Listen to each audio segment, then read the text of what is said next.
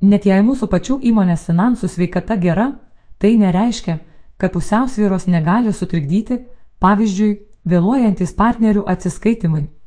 Jei verslo partneriai rodo nemokumo signalus ar renkatės naujus verslo partnerius, pasidomėti įmonės finansų sveikata tiesiog būtina.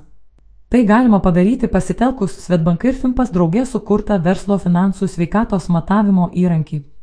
Ilgamečių partnerių finansinę elgseną ir atsparumą įmonės neretai žino neblogai, tačiau pasirodžius pirmiesiems nemokumo ženklams, jų finansų sveikatą tikrai verta patikrinti. Nemažiau dėmesio reikėtų skirti ir naujų ar potencialių partnerių įvertinimui. Ne vienas verslas neveikia izoliuotai, jis visuomet daugiau ar mažiau priklausys nuo klientų bei susijusių sektorių finansinės veikatos, tad svarbu turėti apie tai žinių, komentuoja Svetbank. Finansų instituto vadovė Juratė Cvilikienė. Finansiniai rezultatai, darbuotojų skaičiaus pokyčiai, įsiskolinimai valstybei, turto areštai ir kiti rodikliai indikuoja įmonės nemokumo ar net bankroto tikimybę. Tai reikšminga rizika kiekvienam verslui. Svetbank Susimpas sukurtą ankstyvojo perspėjimo sistemą taip pat galima naudoti kaip kasdienį įrankį vertinant ir siekiant išvengti rizikų. Sistema padeda paprasčiau stebėti klientų, tiekėjų ar partnerių finansinės veikatos pokyčius, rinktis net iš 200 parametrų, nusistatyti norimą jautrumo lygį. Be to, sistemoje galima užsisakyti operatyvius įspėjimus, kurie supaprastins stebėjimo procesą. Dalyje sektorių rizika padidėjusi. Naujausia Storifi atlikta Lietuvos verslo kreditingumo sveikatos analizė rodo, kad šių metų gegužės pradžioje ketvirtadalio Lietuvos įmonių kredito rizika buvo prastesnė nei prieš metus - 35 procentai. Pagerėjo, daugiau kaip pusmetį stabiliai laikosi aukštos ir aukščiausios rizikos įmonių dalis, jis siekia 10 procentų.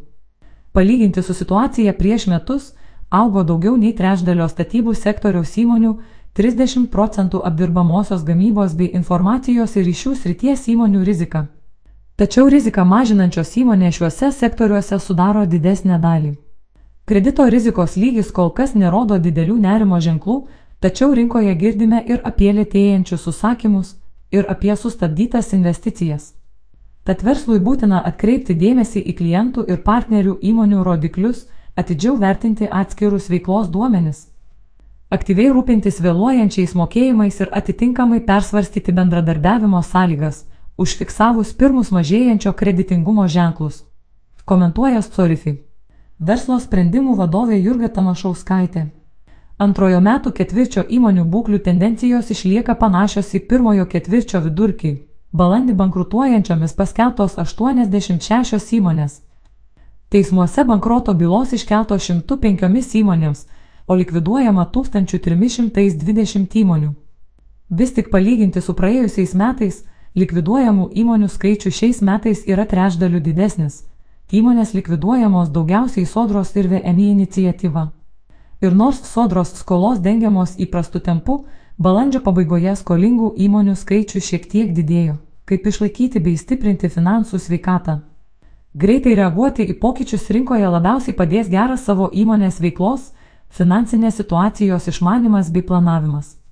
Tikslios žinios apie įmonės finansinius rautus bei procesus gali padėti rasti erdvės efektyvumo didinimui, to prisireikus, nemažiau svarbus ir įmonės finansinis rezervas. Tai trys itin svarbus dėmenys, kurie verslą daro atsparesnį ekonominio neužtikrintumo ar iššūkių kontekste. Ilgalaikėje perspektyvoje stiprinti įmonės finansų sveikatą padės tikslingos investicijos, galinčios sumažinti įmonės kaštus ar padidinti pelną. Vienas iš tokių pavyzdžių - investicijos į atsinaujinančią energetiką. Praėjusiais metais daugeliui smogusi energijos krizė parodė, kaip išbalansuoti įmonės finansus gali drastiškai išaugusios išlaidos už elektrą. Taigi, jei mūsų verslas markiai priklausomas nuo šių kaštų, verta pagalvoti apie jų mažinimo sprendimus. Galiausiai, itin svarbu laikyti ranką ne tik ant įmonės veiklos, bet ir ant rinkos pulso, o užčiuopus galimybę didinti savo konkurencinį pranašumą, nepraleisti progos juo pasinaudoti.